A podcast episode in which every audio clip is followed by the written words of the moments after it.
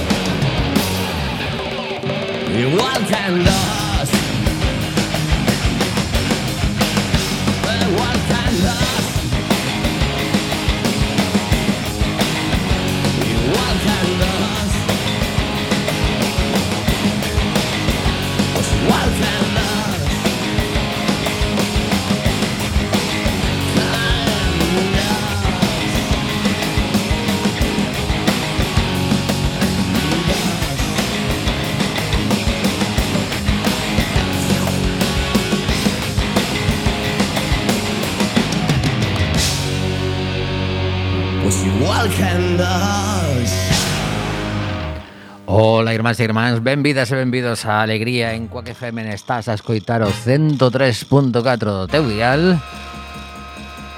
Esta é a Radio Comunitaria da Coruña. Comeza Alegría Alegría.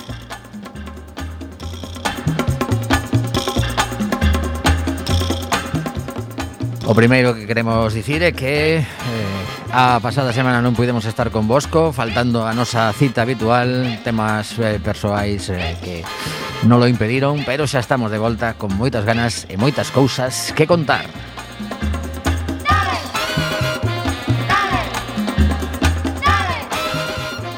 Así que hai que comentar que é demoledor, absolutamente demoledor ver as imaxes que nos están a amosar os medios de comunicación sobre o, o grado de destrucción, eh, o grado de barbarie mm, en Ucraína, as tropas rusas, eh, aí xa entra pois seguramente moitas veces o, o factor humano de decidir a quen se dispara en cada momento e como se fai a execución das ordes que veñen dende arriba. Eh, a verdade que é arrepiante. Non sabes que dicir da raza humana. por outra banda tamén seguen a chegar novas eh, pois moi dolorosas no ámbito da violencia machista, eh, da violencia vicaria, eh, e tampouco sabes que dicir. Eh, unha vez máis, os responsables eh, políticos eh, falan de que non pode volver a suceder o que o que sucedeu con ese, ese neno asesinado eh, con dúas ordes contradictorias por parte de dous eh, xulgados. E eh, a verdade é que son, son cousas destas que te deixan helado e despois eh, un home que atropela a súa esparella bueno, que son, son cousas que continuamente están a suceder e que algúns eh, partidos políticos que teñen cada vez máis representación no noso eh, Estado pois eh, queren camuflar baixo nomes como violencia intrafamiliar e cousas dese estilo das que falaremos ao longo do programa. A verdade é que mm, costa moito que a realidade non te leve por diante nestes momentos tan eh, complexos a moitos niveis e, ten, e teñamos que, que seguir aturando determinadas cousas e que sexan totalmente legais. Deixevos con unha banda americana que hoxe chega á nosa cidade, os Super Suckers van estar esta noite na sala Mardi Gras, eh, agardamos que polo menos ese tempiño de rock and roll que haxa na, na sala de Monte Alto pois sexa de placer dentro de todo o que nos está a acontecer nestes días. Arrancamos alegría, Mariano Fernández toma os mandos técnicos da nave e todo o mesastre entra no estudio José Couso a ritmo de xa. Música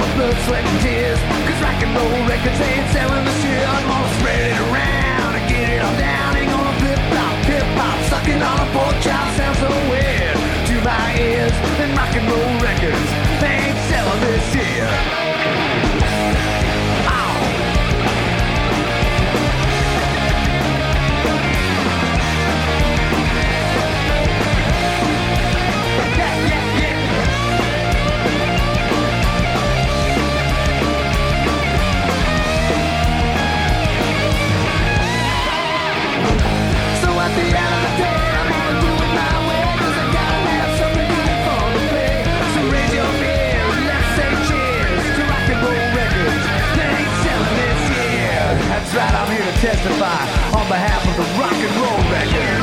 Rock and roll records. Rock and roll records. Rock and roll records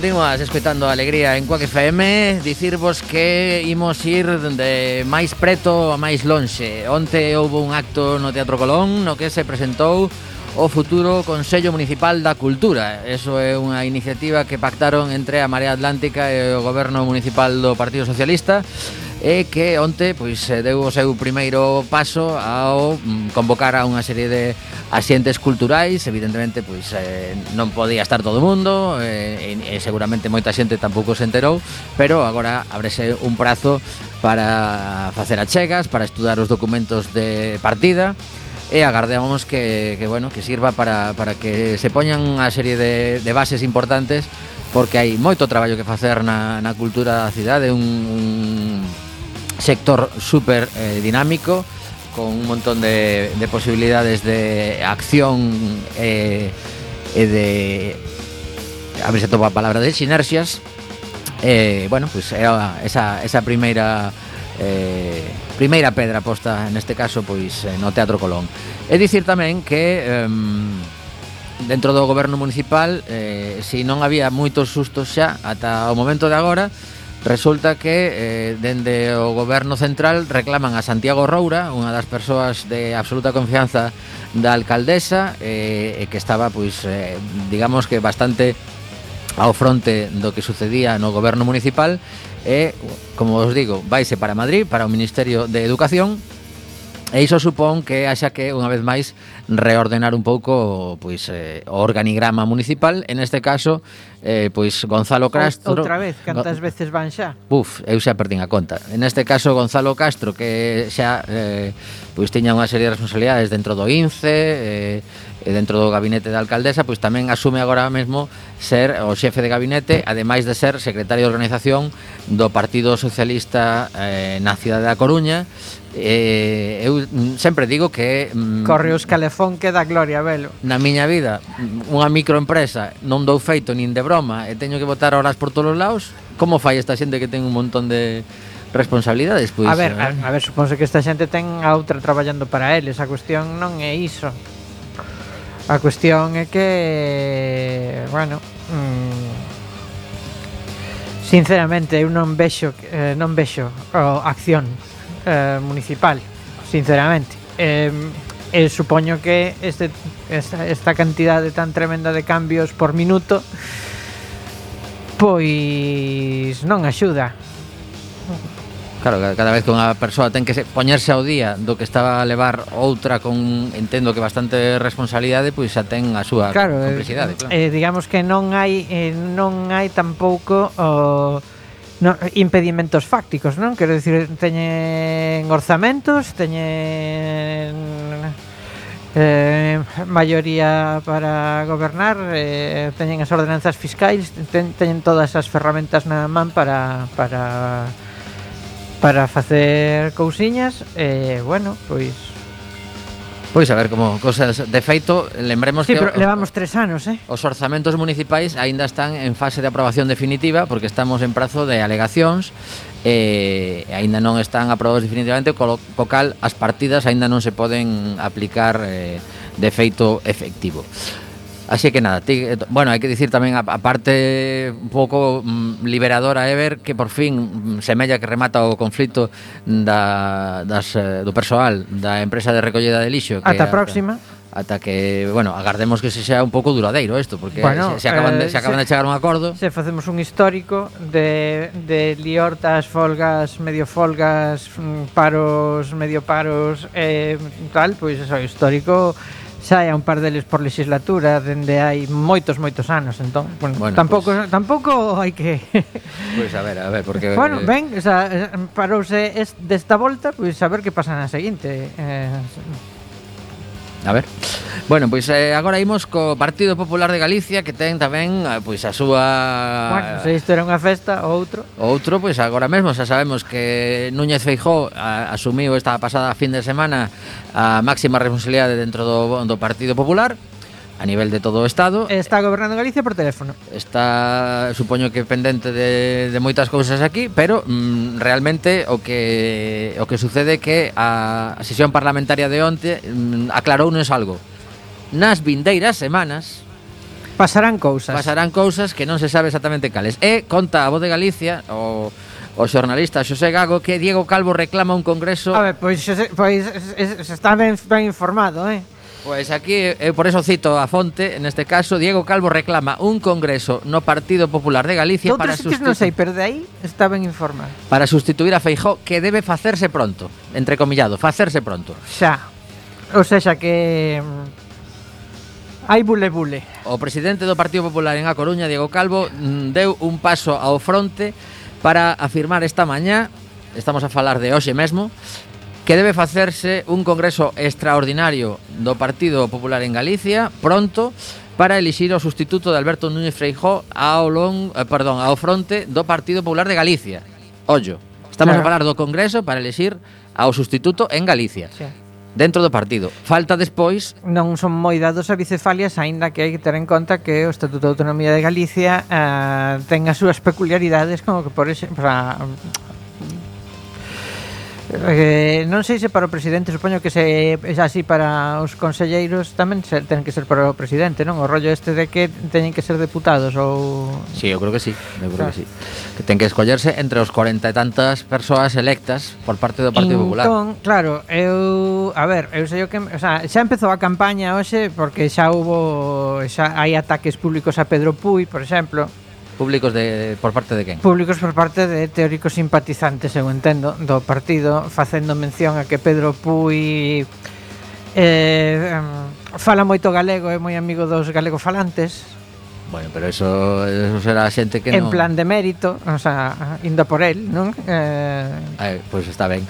Bueno, sí, bueno, eh, pero... Dicir, dicir aquí, lembremos a nosa audiencia, para que nos escoita así de cando en vez ou tal, que fixemos unha porra Eu apostei así un pouco para, para non coincidir, apostei por Pedro Puy como novo presidente da Xunta de Galicia. Sí, sí, sí, eu dicen que o gallá, pero que iba a ser que non. Vale. A ver, todo o mundo aposta por Rueda, eh, que é, o sea, é o candidato obvio. Sería sería si Feijó se define como unha persoa previsible, pois pues, si tes un vicepresidente, eu eh, apostaba precisamente por Calvo porque me parece que ten eh, máis tirón, máis capacidades. Ti estás pensando tamén. xa nas eleccións autonómicas, digamos. Non, eu estou pensando tamén en, en, en así a votar. Claro, eu non, non os coñezo a, a ningún, entón falo no, por impresións, en, en claro. persona eu tampouco, claro. Pero pero despois de non sei, igual igual Alfon, o señor Rueda, Alfonso Rueda, non? Sí. O señor Rueda é super competente, logo eh, tal, pero escoitando falar eh, non transmite iso. Tamén é certo que vimos no momento da política no que as capacidades de comunicación dos, dos líderes son moi superiores ás súas capacidades reais, non? Moitas veces. Entón, eh, pois non sabes moi ben a que carta quedarte, non? O sea, descoñezo as competencias e habilidades de cada un dos candidatos, pero así a priori pareceme máis, solme, máis solvente Diego Calvo. Mm. Pero... Mm, E este movimento de Diego Calvo, de Diego Calvo, de Diego Calvo pedindo congreso, o que parece indicar que hai ruxe ruxe aí eh, que bueno, que terán que claro, falalo, seguramente, digo, eh, seguramente Diego Calvo eh, aclarará que o que está facendo é que a persoa que sexa presidente do Partido Popular en Galicia debe ser elixida polos militantes de Galicia. Non está a falar, eu creo que neste caso, mm, aínda que poda ser despois eh, de algún xeito unha derivada, pero non está a falar de quen tería que presidir a Xunta de Galicia. Aquí outro artigo deste pasado luns de Xosé Gago eh, Juan Capeáns da Voz de Galicia tamén titular Alfonso Rueda regresa do Congreso do Partido Popular máis cerca de convertirse en presidente da Xunta de Galicia. Mira, que pasa que están pasando tantas cousas que non ían pasar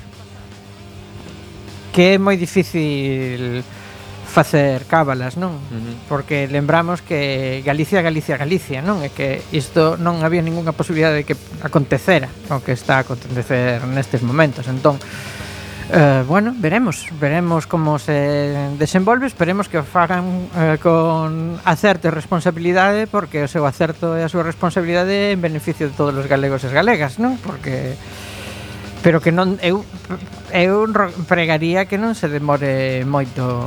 Home, si, sí, sería desexable que isto, isto de nas próximas semanas non sexa tres meses. Claro, porque porque sinceramente era o que ti dicías, non? Se, se os simples mortais non damos coa nosa vida para facer cousas eso de mortais, eh, aí nese lugar tan difícil como é un goberno, eh, como é o liderado da oposición, pois supoño que tampouco dá para, para todo. Os días os días de, de Núñez Feijóo tamén duran 24 horas, non? Uh -huh. Pois, entón, eh... pois bueno, eh, supoño que, que que xa que o que non ia pasar aconteceu, pois que se lle poña unha solución canto antes e seguir adiante. Uh -huh. Lembremos que todo isto que está a suceder no Partido Popular eh, é unha especie de derivada do lío que tiveron entre eh, Díaz Ayuso e Pablo Casado no seu momento por esa suposta espionaxe do partido para eh, saber se realmente había algún tipo de cousa rara neses contratos acadados por unha empresa de, coa que había moita amizade por parte da familia Ayuso en a que despois resultou que tamén o irmá da presidenta da Comunidade de Madrid levaba unhas comisións importantes. E agora semella que todo o mundo está revisando contratos daquela época tola na que había que comprar mascarillas por parte de todas as administracións a un ritmo frenético e o titular de Infolibre Anticorrupción querellase contra os comisionistas das mascarillas e os vincula a un familiar de Almeida, o alcalde de Madrid. A Fiscalía apunta que Luis Medina aprovechouse de ser eh, fillo de Natia Bascal e da súa amizade cun familiar de Almeida para intermediar na compra de material sanitario para o Concello de Madrid.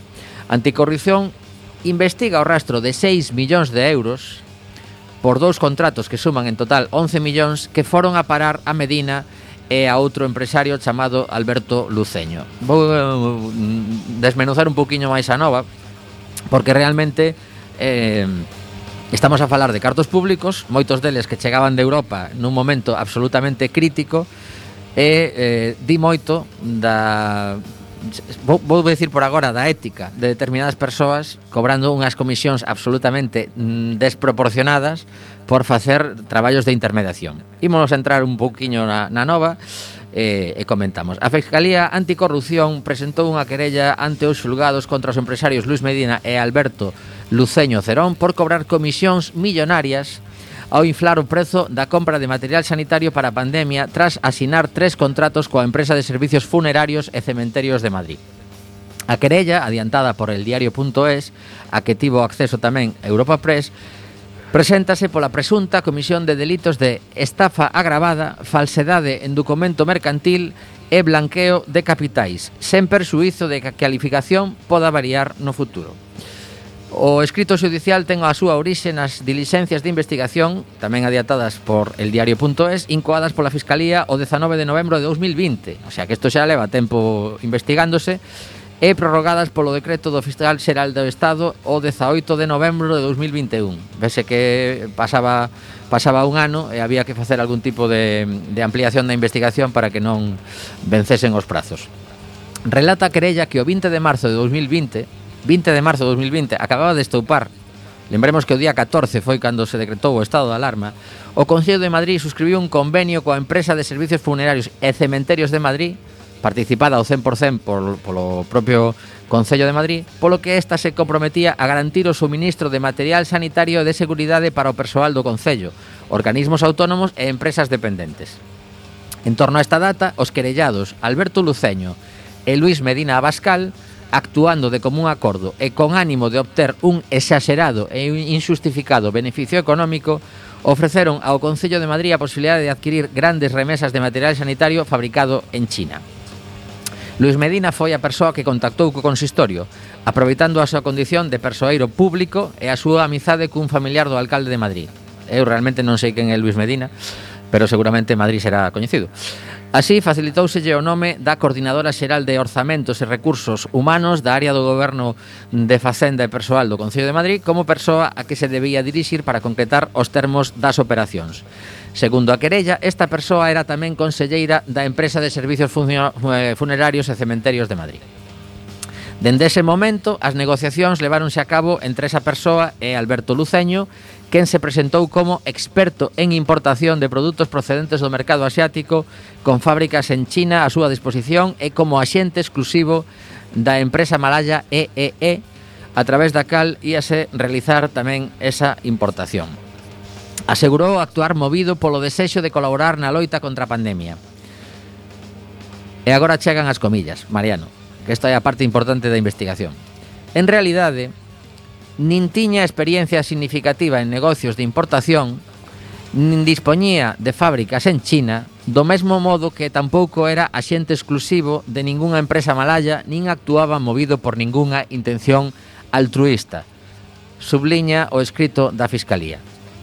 Conforme a estas xestións, asináronse tres contratos entre a empresa de servizos funerarios e cemiterios de Madrid, como compradora, e a compañía malaya EEE como vendedora para adquirir material sanitario. Digamos que en este caso fixémonos que esta empresa esta, esta empresa eh, pública ao 100% cómpralle a unha empresa malaya. Segundo detalla a querella, as transferencias recibidas por Luis Medina corresponden á comisión pactada entre a empresa EEE e el dun dólar por mascarilla. En total, 915.000 euros. Como comisión, non está nada mal. Seguramente fixe un par de chamadas e chegaron a este acordo. Disto infírese que o prezo real de venda das mascarillas era de 2.689.300 dólares e que os querellados inflarono artificialmente para levarse como beneficio neto da operación 4 millóns de dólares. É dicir, o 148% do precio real do produto. No caso dos eh, guantes de nitrilo, Alberto Luceño aseguraba eh, que ao cargo do Concello se trataba de guantes de 40 milímetros de longitude de gran calidade e que cubrían a maior parte do brazo. De Margantes, os as luvas que se recibiron o 8 de abril eran guantes ou luvas de ínfima calidade e que só chegaban ata a muñeca. Tamén neste caso pactáranse unha comisión igual para ambos querellados – pola que obterían 4 millóns de dólares de comisións. O 426% do prezo real do produto. 426%.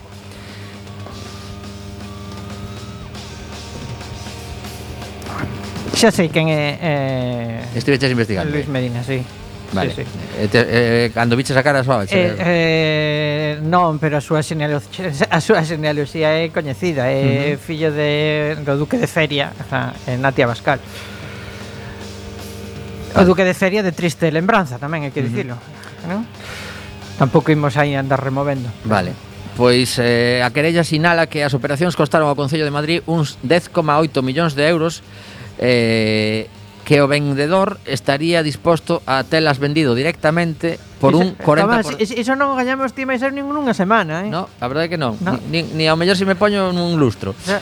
Pois mira, eh, eh, pagaron un en total un 60%, o sea, o, o, o prezo real era o 40% do que finalmente se pagou, polo tanto, un 60% máis neste tema. Total, que o artigo sigue, xa non me vou meter en máis detalles, pero como vedes, Aquí esta xente que se achegaba aos gobernantes a través de amizades e ofrecía de forma altruista a seis días de ter estoupado a, a pandemia se estaban argallando para gañar moitos cartos pois eh, a ver en que conclúe esta investigación.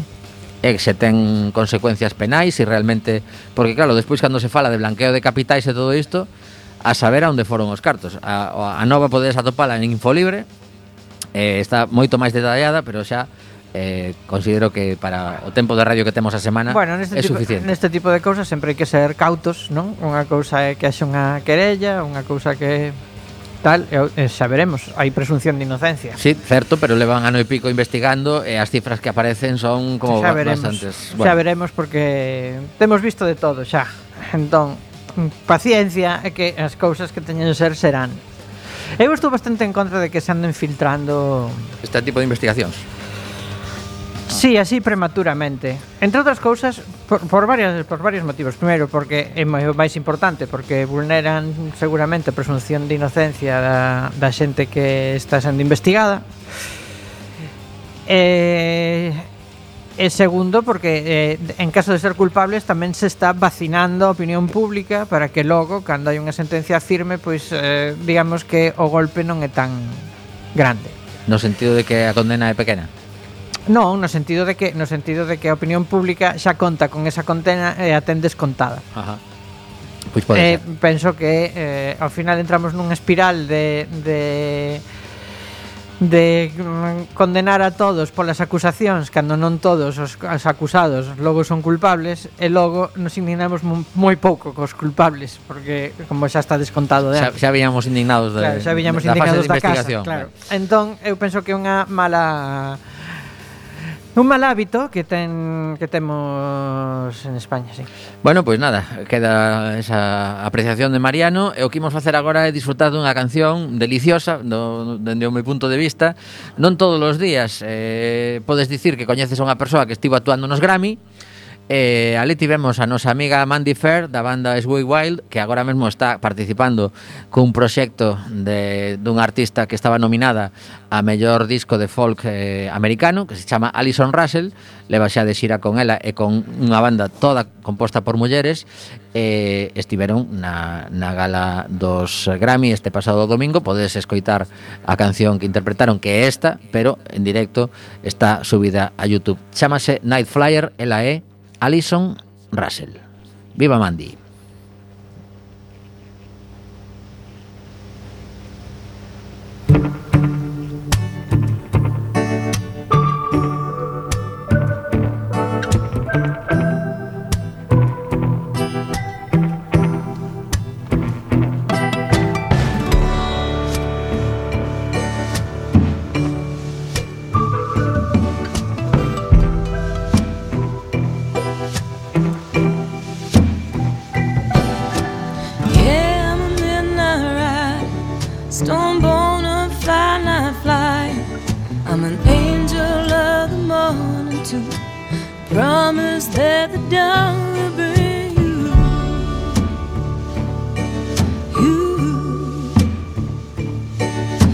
the melody and the space between every note the swallow sings.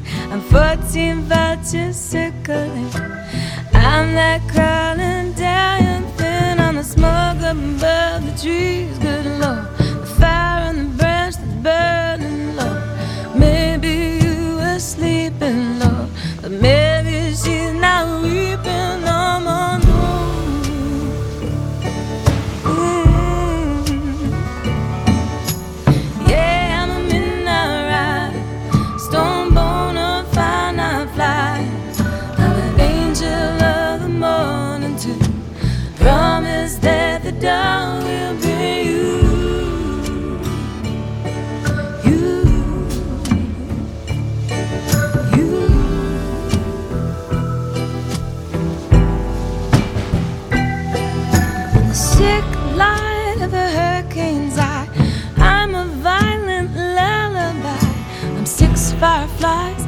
Streetlight, street light, I'm suffocating some nun. Mm. I'm each of the steps on the stairway. I'm a shadow in the doorframe. I'm a tap tap of a lunar moth. on the stairway.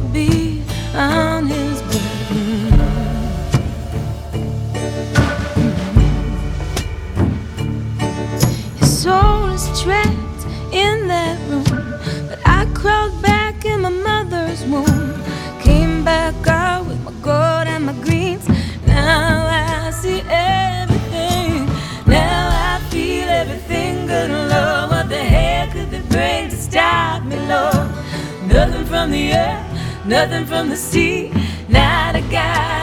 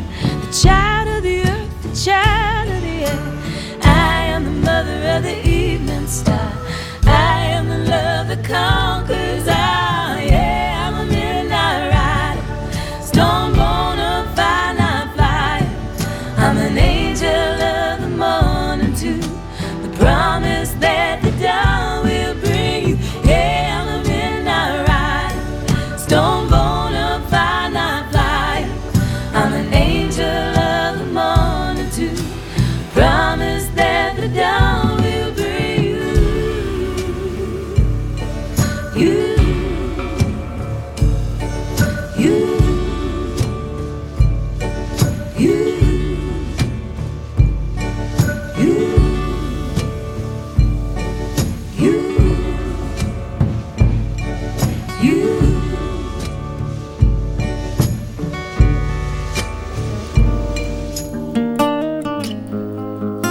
Cuac FM estás a escoitar a Radio Comunitaria da Coruña Son as 7.36 minutos da tarde Estamos emitindo en directo hoxe mércores 6 de abril. Posiblemente nos escoites noutro momento Porque así son as redifusións Pero agardamos que siga sendo nova O que estamos a compartir contigo. Eh, Lembramos unha vez máis que Coac FM eh, está sempre aberta a novas eh, propostas de programas. Agora mesmo estánse formando eh, varias persoas na nosa redacción Con o noso compañeiro Miguel Anxo. E dicir tamén, para que vayades investigando, que na páxina web de Quack FM está convocado xa o 24º concurso de bandas e solistas eh, para toda España, aínda que hai premios específicos para bandas galegas e tamén para bandas coruñesas. Eh, nesta edición, como algo novedoso, é que o, un premio para unha banda coruñesa vai levar o nome de Eva Coyote, Eva Piñeiro, que o pasado ano, no mes de maio, precisamente o Día das Letras Galegas, deixábanos eh, por un cancro. Así que nada, as bandas que coñezades, avisadeas, que temos o prazo aberto ata o 13 de maio. E agora retomamos a nosa información habitual, neste caso seguimos con política, porque está a piques de eh, tomar posesión o vindeiro luns, día 11, o goberno de Castela León. E aí, pois vai a estar presidido por Fernández Mañueco, o, o líder do Partido Popular nesa, nesa comunidade autónoma, pero entra na ecuación Vox, que chega con exixencias como xa era agardado e, e, e por suposto, aquí comenta tamén este un, unha nova del diario.es que titula Mañueco cede ante Vox para garantirse a investidura. Acelerará acelerará as leis de violencia intrafamiliar e de concordia. Que bonitos eufemismos, eh? como, como eh, as cousas eh, mellor non chamales por no seu nome.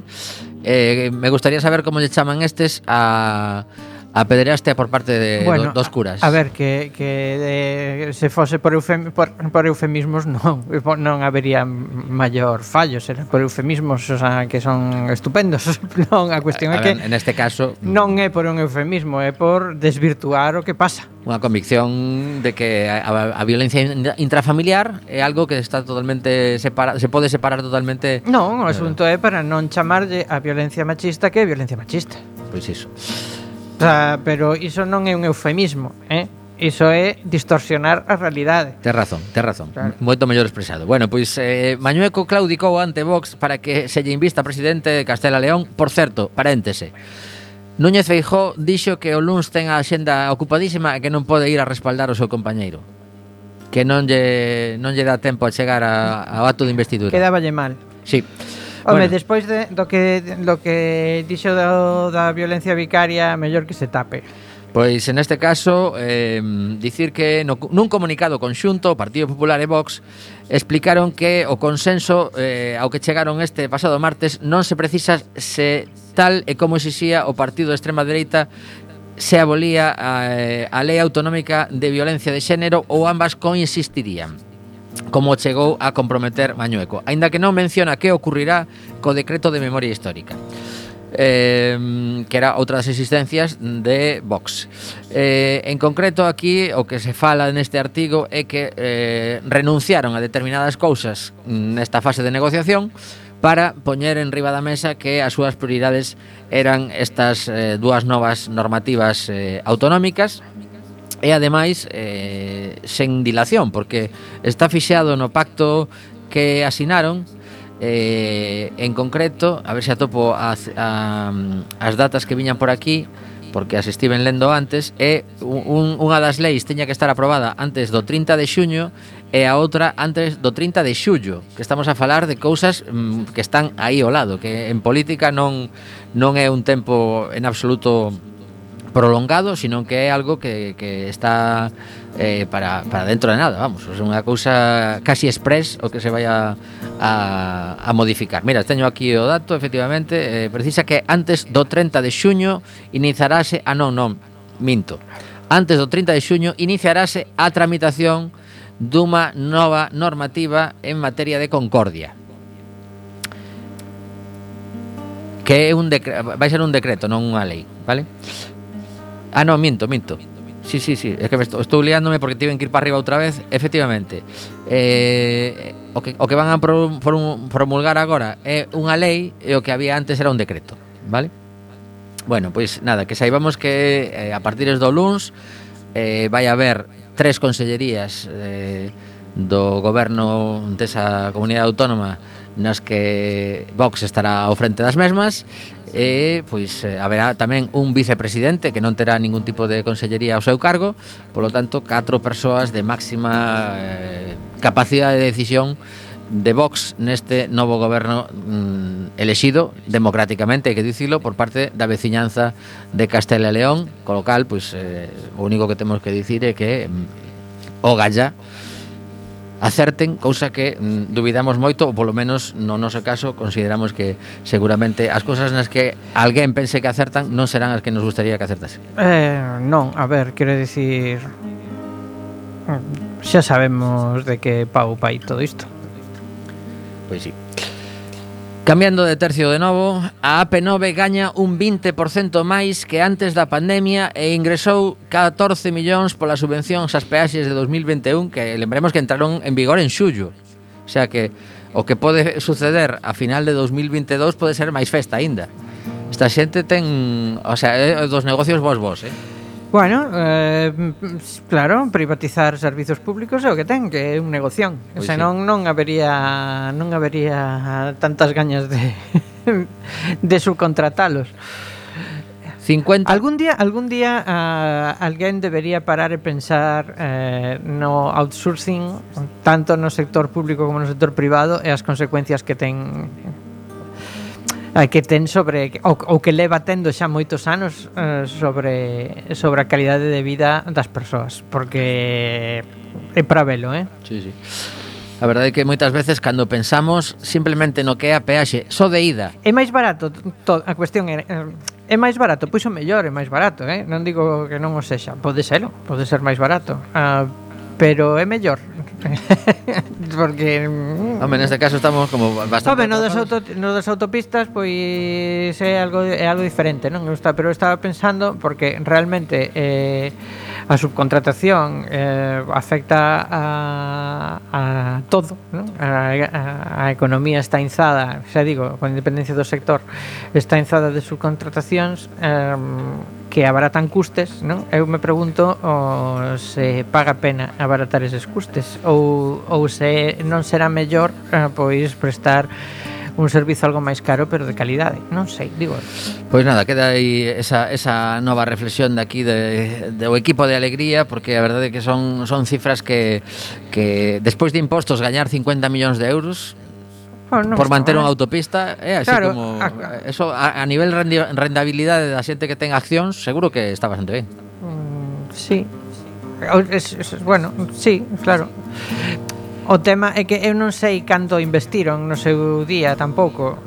Quero dicir, Mm, canto, canto lles custou a eles para, canto lles custou a eles como están amortizando ao longo do tempo claro, eh, a, a construción da autopista non o sei, como non teño os datos prefiro non o sea. arriscar aí Bueno, pois imos eh, con outra das novas que trouxen para hoxe. Hoxe vai ser eh, así unha especie de, de pupurrí. Bombardeo. Sí, Yolanda Díaz entregalle a Olona un estatuto dos traballadores E pídelle que o estudio porque que o estude porque mentir é pecado. Dixolle durante a sesión plenaria de onte eh, Tamén hai que dicir que eh, Olona rexeitou eh, recibir o estatuto dos traballadores foi, foi ali un, un uxier do Congreso dos Deputados a entregarlo e dixo, no, no, no, quita, quita, que está, está contaminado por esa muller eh, non, non quero tocar eso estou xa dicindo eu eh? isto evidentemente non, non diría do de contaminado. Pero bueno, a conta de que ven todo isto. Pois porque houve un, eh, unha liorta dialéctica onte por parte destas eh, dúas representantes públicas a, eh, a raíz da protesta que teñen montada a xente que ten casetas na Feira de Abril. Sí. Entón, consideran que eh, a nova... Un tema, un tema claramente de, o sea, de, de, de, emergen, de emergencia nacional claro, Que claro, se claro. non se trata no Congreso da, o sea, claro. eu, é, que, é que levaba tres días en dormir eh? Hombre, é os que che quedan Buah. Ata feira de abril, Mariano Unha cousa, unha, unha, unha angustia Pois sí Pois nada, eh Os empresarios das casetas da Feira de Abril. Efectivamente. Sí. O, re, o rebujito está en perigo. Ese é o titular. Oh, Dios mío. Claro. Bueno, pois eh, nada, aquí o que o que se está a comentar é que eh, unha vez máis as eh, as dúas eh, deputadas, Macarena Lona, mm, polo que comentan aquí neste artigo, en este caso estou lendo eh, público.es, eh pois eh, soa como posible candidata polo partido das tres letras en Andalucía Entón, pois claro, ten que facer forza por por os eh... por por cargarse o estatuto dos traballadores, claro, que é unha cousa que seguramente que os andaluces desmotivan moito. Bueno, pois eh, claro, aquí moitas veces Fixo a, que sí, a xogada claro. é o que está chamando a atención dos medios, entón Como a ironía dice, non funciona en radio, non? Porque eh, se note, eh, eh se note, que eh, sí. Que Mariano está sendo irónico. Bueno, o, o dixen eu así para que non se notase tanto. Aquí como como saco unha plancha e a poño así diante do, do rollo para que se note. Vale.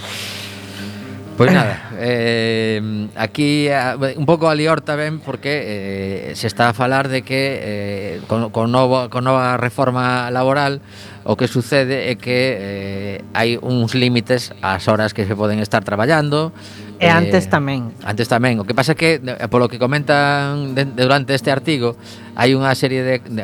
Antes non se podían superar determinados límites, o mellor se superaban máis, o mellor se estaba menos pendente dese tema, pero vese que eh, determinadas eh, ampliacións de horarios e todo isto teñen un custe que antes non tiñan, entón agora pois eh, terían que contratar a máis persoas. Oh, basicamente. Se, Dios mío, se van traballar 13 horas, non pode traballarlas unha persoa, teñen que contratar a dúas. Oh, my god, a ruína de Palmira. Pois sí. Bueno. Claro, eh, mm, mm, obviamente, non quero dicir mm, en que a cabeza ver, cabe. As horas extras existen. O que pasa que o mellor, sí, home. claro. A mellor no que non se pode facer Pero estamos eh, falando case de dobrar uh, unha xornada laboral. Claro, é que, é que son todos días seguidos Porque isto da feira de abril ah. está inventado para que a xente non pare nunca. Claro, entón, claro. a ver, un poquito de por favor. Bueno, aquí comentaba... A ver, así, a bote pronto o, o, eh, Reivindicar a explotación no século XXI É como, como... Bueno, unha fantasía total. Eh, previamente, a, a ministra Yolanda Díaz fora preguntada polo Partido Popular ao respecto de determinadas cousas da da nova legislación que se aprobou aí moi buqueño. Sí. Neste caso foi María José García Pelayo que sí. criticou o mecanismo dos ERTES.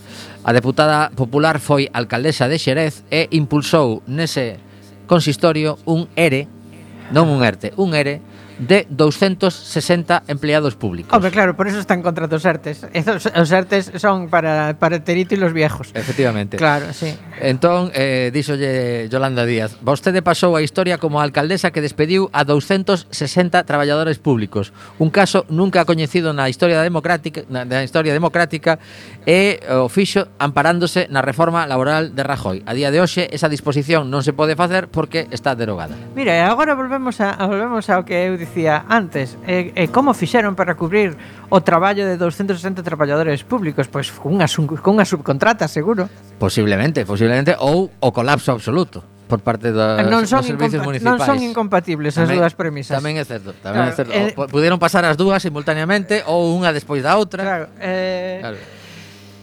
Eh, en, eso implica pois privatizar o funcionamento das administracións, todo, todo ben. Tudo ben. Pois sí. Porque claro, todo o mundo sabe que no emprego público eh, é ineficiente e corrupto e as subcontratas estas son prístinas e eh, superfuncionais.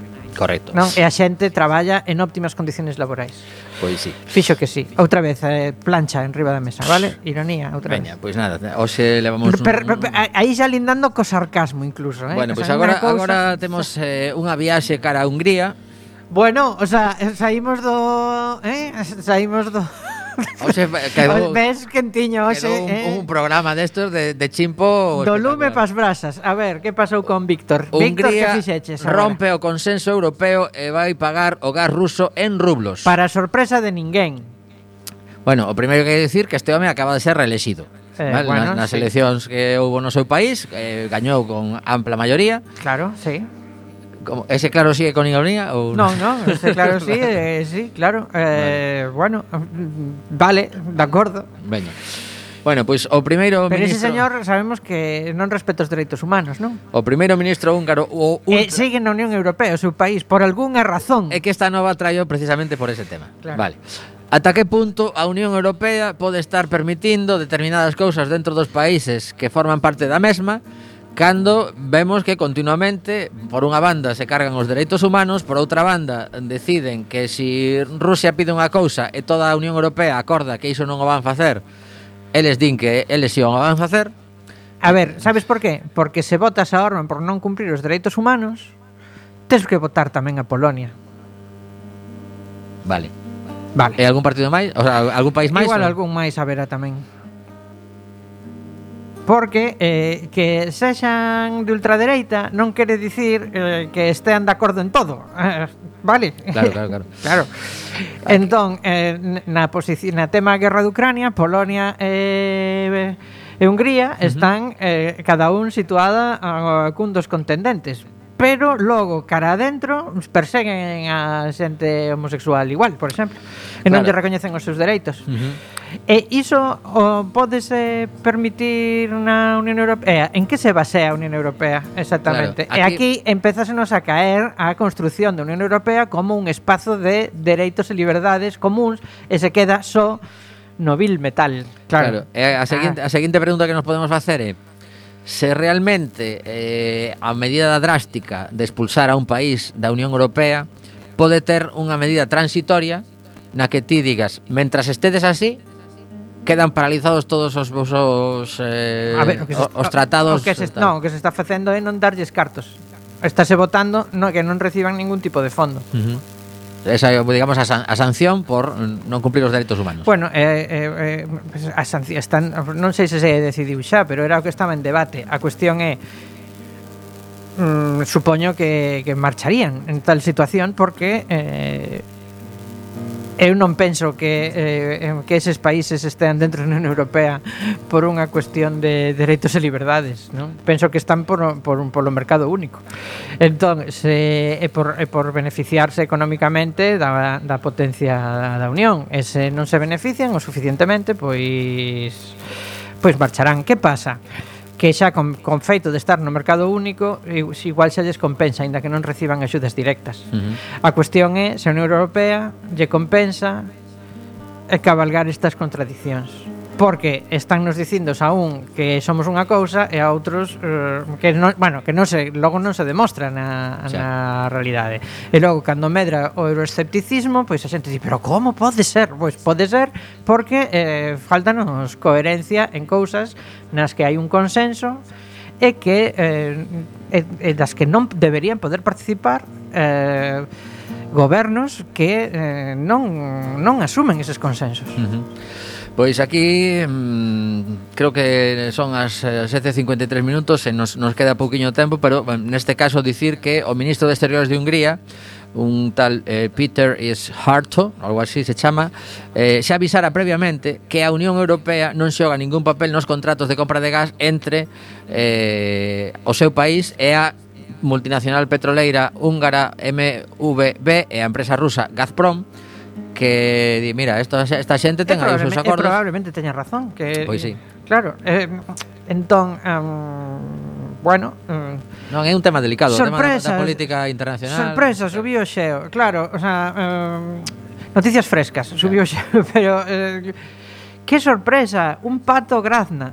A ver, non, sorpresa ningunha, a, ninguna. Ah, Pois bueno. É como é como como como sorpresa, están matando a xente nunha guerra. Pois non, sí. non hai moita sorpresa. Desgrazadamente claro. non hai moita sorpresa. Claro, moitas veces o que o que sorprende a veces é o, o, o que sorprende, o nivel de crueldade. O que sorprende é velo.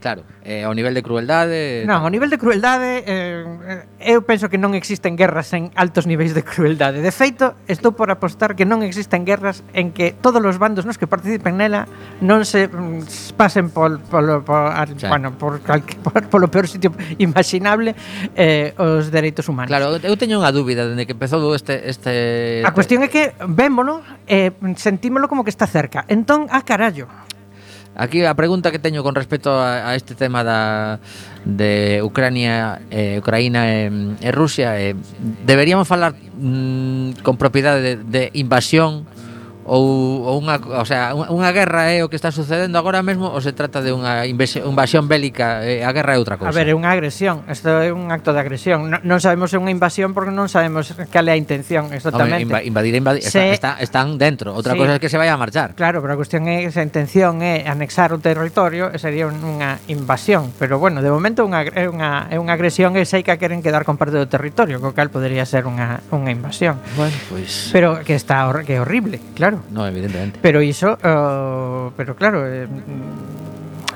non hai temos 50 segundos, non, vale. non nos dá para falar Pois pues mira, pois pues estes 50 segundos quero dedicarllos a, a un dos músicos que ten soado unhas cantas veces en Alegría, o señor Van Morrison, que estivo a pasada semana na nosa cidade, é que a, a, bueno, un tema familiar que tamén provocou que non fixéramos programa, pois provocou que non que non puides estar nese concerto, do que todo o mundo que estivo fala absolutas maravillas de que tiña unha, unha banda espectacular e que o tipo ese día estaba mm, sembrado.